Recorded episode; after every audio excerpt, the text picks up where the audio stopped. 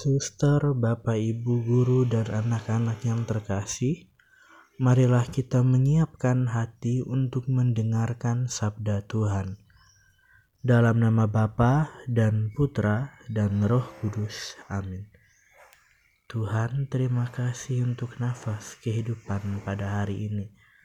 Kami mohon kiranya rohmu tetap tinggal bersama kami sepanjang hari ini dan menuntun setiap karya kami karena Tuhan Kristus pengantara kami. Amin. Dalam nama Bapa dan Putra dan Roh Kudus. Amin. Inilah Injil Yesus Kristus menurut Santo Lukas. Dimuliakanlah Tuhan. Pada suatu kali, Yesus berdiri di pantai Danau Genesaret, sedang orang banyak mengerumuni dia hendak mendengarkan firman Allah ia melihat dua perahu di tepi pantai. Nelayan-nelayannya telah turun dan sedang membasuh jalannya. Ia naik ke dalam salah satu perahu itu, yaitu perahu Simon, dan menyuruh dia supaya menolakkan perahunya sedikit jauh dari pantai. Lalu ia duduk dan mengajar orang banyak dari atas perahu. Setelah selesai berbicara, ia berkata kepada Simon, "Bertolaklah ke tempat yang dalam dan tebarkanlah jalamu untuk menangkap ikan."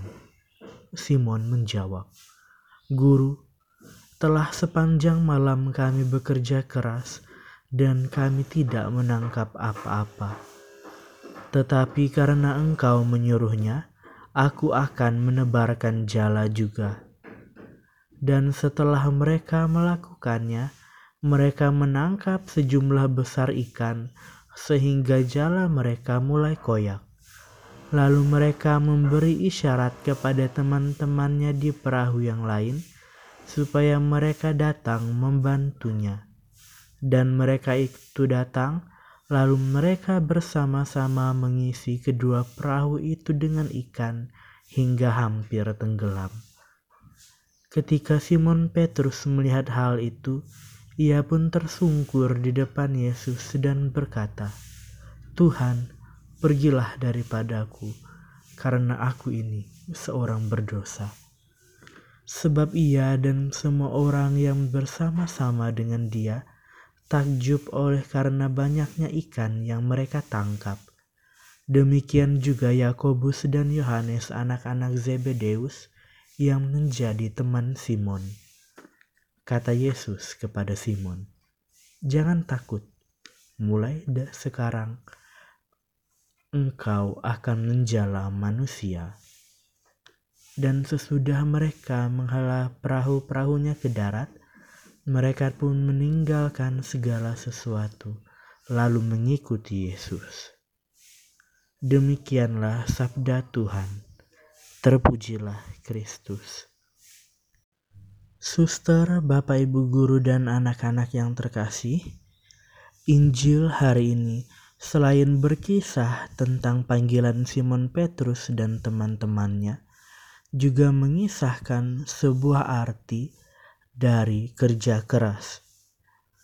Ketika Simon telah lelah sepanjang malam karena tidak mendapatkan apa-apa, secara mengagumkan Tuhan hadir di hidupnya dan membawa Simon untuk pergi ke tempat yang lebih dalam hingga akhirnya perahu mereka sesak penuh ikan.